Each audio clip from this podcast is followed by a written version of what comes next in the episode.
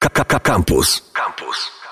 Z nami połączyła się dr Anna Cybulko, czyli ombudsman, rzecznik akademicki Uniwersytetu Warszawskiego. Dzień dobry. Dzień dobry, witam serdecznie. No i ja wcześniej e, zapowiadając panią, mówiłem o zadaniach specjalnych, jakoby to nimi pani się trochę zajmowała. Więc y, w zasadzie chciałem zacząć od tego, że bardzo dużo jest, y, być może nie bardzo dużo, ale sporo jest instytucji uczelnianych, do których studenci mogą się zgłaszać z różnymi problemami, począwszy od samorządów y, po różne inne takie funkcje. I właśnie w tym wszystkim jest gdzieś pani jako ombudsman, czyli ten rzecznik akademicki. I z jakimi sprawami możemy jako studenci zgłaszać się w ogóle do, do ombudsmana, jakimi sprawami pani się zajmuje? No, myślę, że bardzo mnie Pan pięknie przedstawił e, i czuję się zaszczytna, będąc e, człowiekiem, kobietą do zadań specjalnych. I e, myślę, że to całkiem nieźle oddaje moją funkcję. To znaczy, tak naprawdę moją rolą jest pomagać w problemach życia akademickiego, które są nierozwiązywalne lub trudno rozwiązywalne za pomocą innych metod. To jest bardzo ogólne stwierdzenie, ale to oznacza, że tak naprawdę można przyjść do mnie ze wszystkim w istocie, to człowieka boli. Czy to będą kwestie związane z jakimiś konfliktami międzyludzkimi, trudnościami komunikacyjnymi, relacyjnymi, między studentami, między studentami a wykładowcami, między wykładowcami a administracją, czy w zasadzie między dowolnymi członkami mm, społeczności akademickiej. Czy to będą jakieś trudności mm, e, z jakimiś naruszeniami, które gdzieś się pojawiły, e, prawa, zasad etyki, obyczajów, czy to będą jakieś wątpliwości, jak się zachować, e, czy to będą jakieś naruszenia mm, związane z dyskryminacją, mobbingiem, molestowaniem. W każdej z tych spraw może się do mnie zwrócić i to, co wydaje się być ważne, i to chciałam podkreślić, że działam całkowicie poufnie. To znaczy, że żadne informacje nawet o tym, że ktoś się do mnie zwrócił, nie wyjdą ode mnie bez pisemnej zgody osoby, która do mnie przychodzi. Czyli przyjść można zawsze, a jeśli chodzi o moje interwencje, to żadne się nie zadzieją bez zgody osoby, która mi sygnalizuje istnienie trudności, problemu lub wątpliwości. Mhm. Czyli moją rolą jest pomagać i zadbać przede wszystkim o tych, którzy do mnie przychodzą. Okej, okay, ale właśnie pani praca ma taki trochę charakter czasem nieoficjalny, to znaczy do pani można się zgłaszać, e, jak mi się wydaje, też z takimi problemami miękkimi, to znaczy gdzie nie wiadomo do kogo się zgłosić, albo nie wiadomo, czy to jest w ogóle problem wymagający, czy który można jakoś załatwić, to są problemy, które można skierować właśnie, z którymi można się skierować do pani. E, tak, to, to patrz punkt pierwszy. Można e, przyjść właściwie ze wszystkim i z wątpliwościami również. Oczywiście w części spraw ja mogę kogoś przekierować z powrotem na wydział do prodziekana, do mm, komisji jakiejś działającej, ale zawsze też pokażę inne opcje, inne rozwiązania i też można po prostu porozmawiać. Natomiast to, co ważne i to, co Pan pokazał fajnie, to jest kwestia tego, że działam elastycznie, nieformalnie i ja przede wszystkim chcę pomóc w rozwiązywaniu problemów. Oczywiście, czasami widzę jakieś naruszenia. Jeśli widzę naruszenia i dostanę zgodę na interwencję, to interweniuję na początku miękko i elastycznie, próbuję ludziom pokazywać, że popełnili błąd, e, pokazuje, daje im pewną informację zwrotną, której być może wcześniej nie dostali, pokazuje czasami mocniej, że są pewne normy, których muszą przestrzegać. Dopiero, kiedy tą ścieżką się nie udaje, mogę się udać wyżej, do przełożonych, aż do poziomu rektorskiego włącznie, mogę pisać sygnalizację na piśmie, a mogę wskazać, że sprawa jest tak poważna, że trzeba ją w istocie skierować do właściwych gremiów, na przykład do Komisji Antymobbingowej, na przykład do e, Komisji Antydyskryminacyjnej, czy do postępowania dyscyplinarnego. To się mhm. oczywiście też zdarza, czasami są tak trudne rzeczy, że nie ma innej ścieżki. Mhm. A czy są jakieś sprawy, z którymi e, nie należy się do Pani zgłaszać? Jeśli jakąś sprawę e, da się załatwić we własnym zakresie, da się ją załatwić na wydziale, no to w istocie po cóż przychodzić do mnie, prawda? E, także jeśli, jeśli to dotyczy toku studiów na przykład, mm, urlopu zdrowotnego, no to mamy takie instytucje jak BON, mamy, mamy wsparcie na wydziałach i jeśli to jest kwestia trudności psychologicznych, jakichś psychicznych, które zaburzają um, efektywne studiowanie, można od razu iść do Centrum Pomocy Psychologicznej i powiem tak, po prostu w niektórych sytuacjach są właściwsze instytucje pomocowe. Natomiast to nie jest tak, że ja kogoś e, wyrzucę i powiem z tym tematem to, to gdzie indziej. Czyli no staram się, nie, żeby nie dochodziło do psychologii, tak? Mhm. A jeżeli jeszcze jesteśmy przy mm, takim dosyć e, ogólnym spojrzeniu na to, jak pani pracuje i przy takich organizacyjnych sprawach, to e, jeszcze tylko mm, takie pytanie, jak się zgłosić do pani właśnie można? skutecznie, czyli w tym momencie e, najskuteczniej będzie albo odezwać się drogą mailową, i to chyba jest w ogóle takie dosyć uniwersalne. Jest na stronie formularz, można formularz wypełnić i on też do nas trafia niezwłocznie. Można próbować dzwonić, oczywiście teraz, kiedy jesteśmy na online, zawsze ktoś jest na dyżurze, wystarczająco długo trzeba tylko poczekać, bo wiadomo, że zanim telefony się poprzełączają, to trochę czasu mija, więc dzwonić też można. Natomiast tak naprawdę, żeby pomóc, zawsze staramy się ja i mm, członkinie mojego zespołu spotkać się z osobą potrzebującą najpierw. Czyli nie reagujemy na sygnał telefoniczny automatycznie, nie odpisujemy na maila od razu z pomocą czy poradą, tylko zawsze chcemy dobrze zrozumieć, na czym polega trudność, problem i gdzie ta nasza pomoc może być potrzebna, żeby nie trafić jak w kulą w płot, bo ktoś teoretycznie pisze, że chciałby wiedzieć, jaki, jakie e, obowiązują regulacje prawne odnośnie mm, zaliczeń języków, a w istocie okazuje się, że czuje się pokrzywdzony poprzez sposób potraktowania, nieuwzględnienie jakichś jego ważnych potrzeb, e, czy jakieś działania dyskryminacyjne. Czyli często tak naprawdę w rozmowie nam wychodzi to, o co chodzi. I to często nie chodzi po wierzchu tylko o informację prawną, tylko chodzi naprawdę o jakieś niefajne potraktowanie i e, no, o poczucie żalu czy skrzywdzenia. Mówiliśmy sobie o e, Pani kompetencjach i o tym, co może Pani zrobić w przypadku pewnych delikatnych spraw, które przydarzają się studentom, ale też pracownikom Uniwersytetu Warszawskiego. I teraz chciałbym przejść do tych spraw, do tych, w zasadzie do sprawy, która jest dosyć aktualna.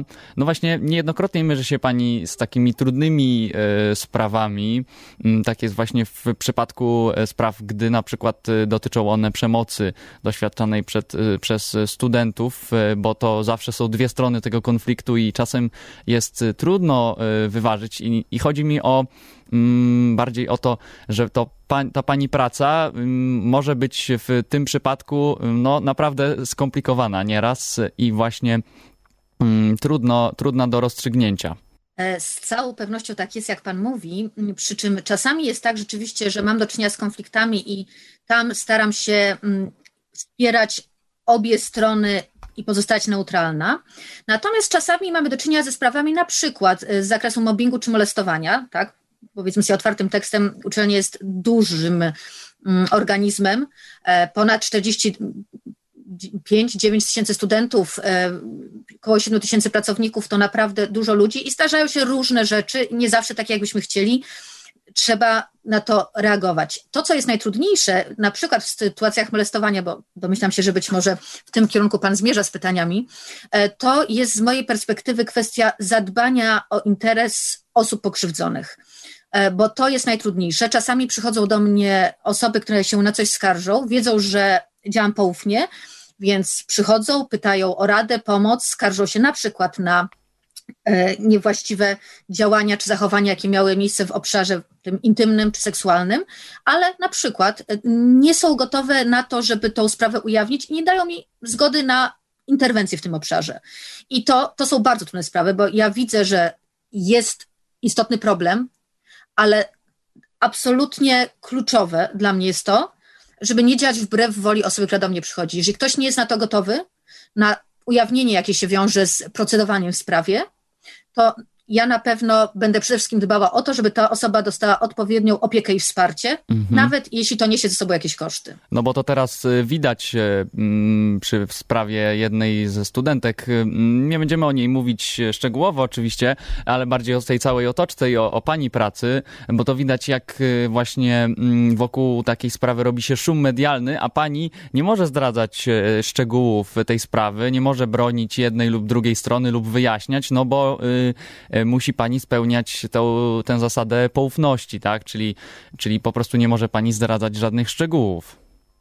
Nie mogę zdradzać żadnych szczegółów, natomiast to, co wydaje mi się ważne w tym kontekście, o czym chciałabym powiedzieć, to e, jak działam, żeby też trochę być może E, oswoić z myślą o zgłaszaniu się do mnie osoby, które mogą się tego obawiać. E, to jest tak, czasami jeżeli trafia do mnie trudna, systemowa, wieloletnia sprawa dotycząca jakichś takich właśnie in, intymnych obszarów funkcjonowania związana z jakimś potencjalnie mobbingiem, dyskryminacją czy molestowaniem właśnie i ludzie nie chcą e, w żaden sposób ujawniać tego, że byli ofiarami, bez czego ciężko procedować, prawda?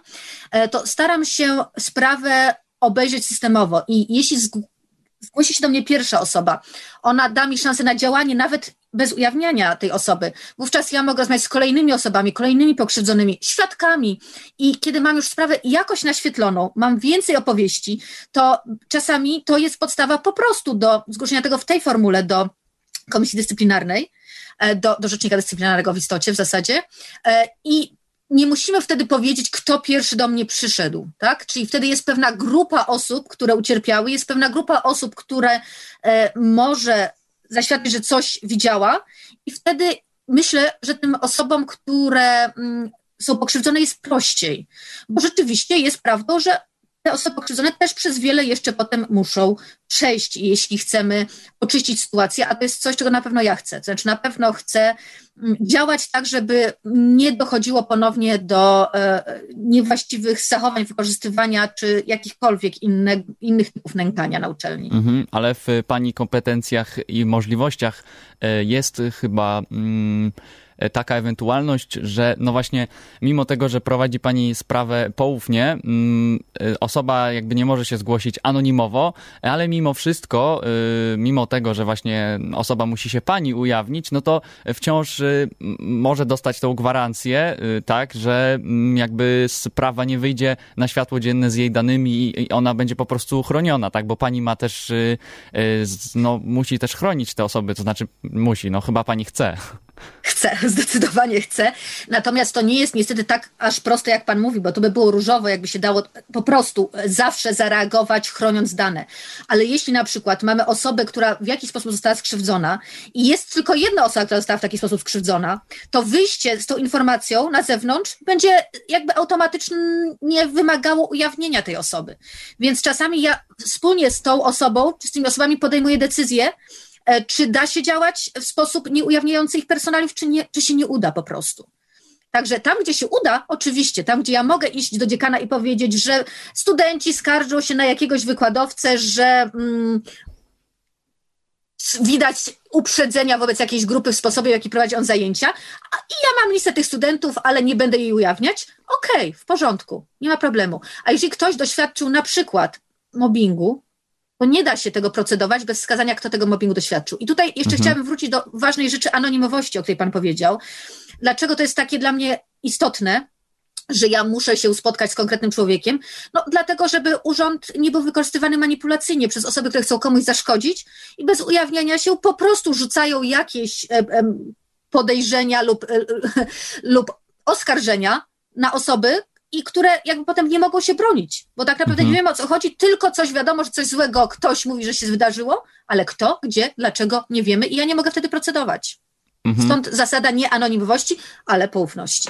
Rzeczywiście, jak słucham to, jak tego, jak pani właśnie opisuje e, swoją pracę i pewne zawiłości, no to mam wrażenie, że e, nazwanie pani e, kobietą od zadań specjalnych na uniwersytecie, no nie jest na wyrost, bo są to wprawdzie zadania naprawdę specjalne i często delikatne, więc myślę, że z tej rozmowy wynikło jednak, że, że mimo tej delikatności i, i tego, że to są sprawy specjalne, to można dużo z, z takimi sprawami zdziałać i zrobić właśnie kierując się do pani, e, czyli do ombudsmana, e, rzecznika akademickiego na UW.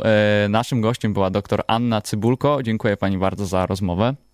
Bardzo serdecznie dziękuję i zapraszam na moją stronę www.ombudsman.uw.edu.pl, gdzie będzie na pewno dużo więcej informacji. Radio Campus.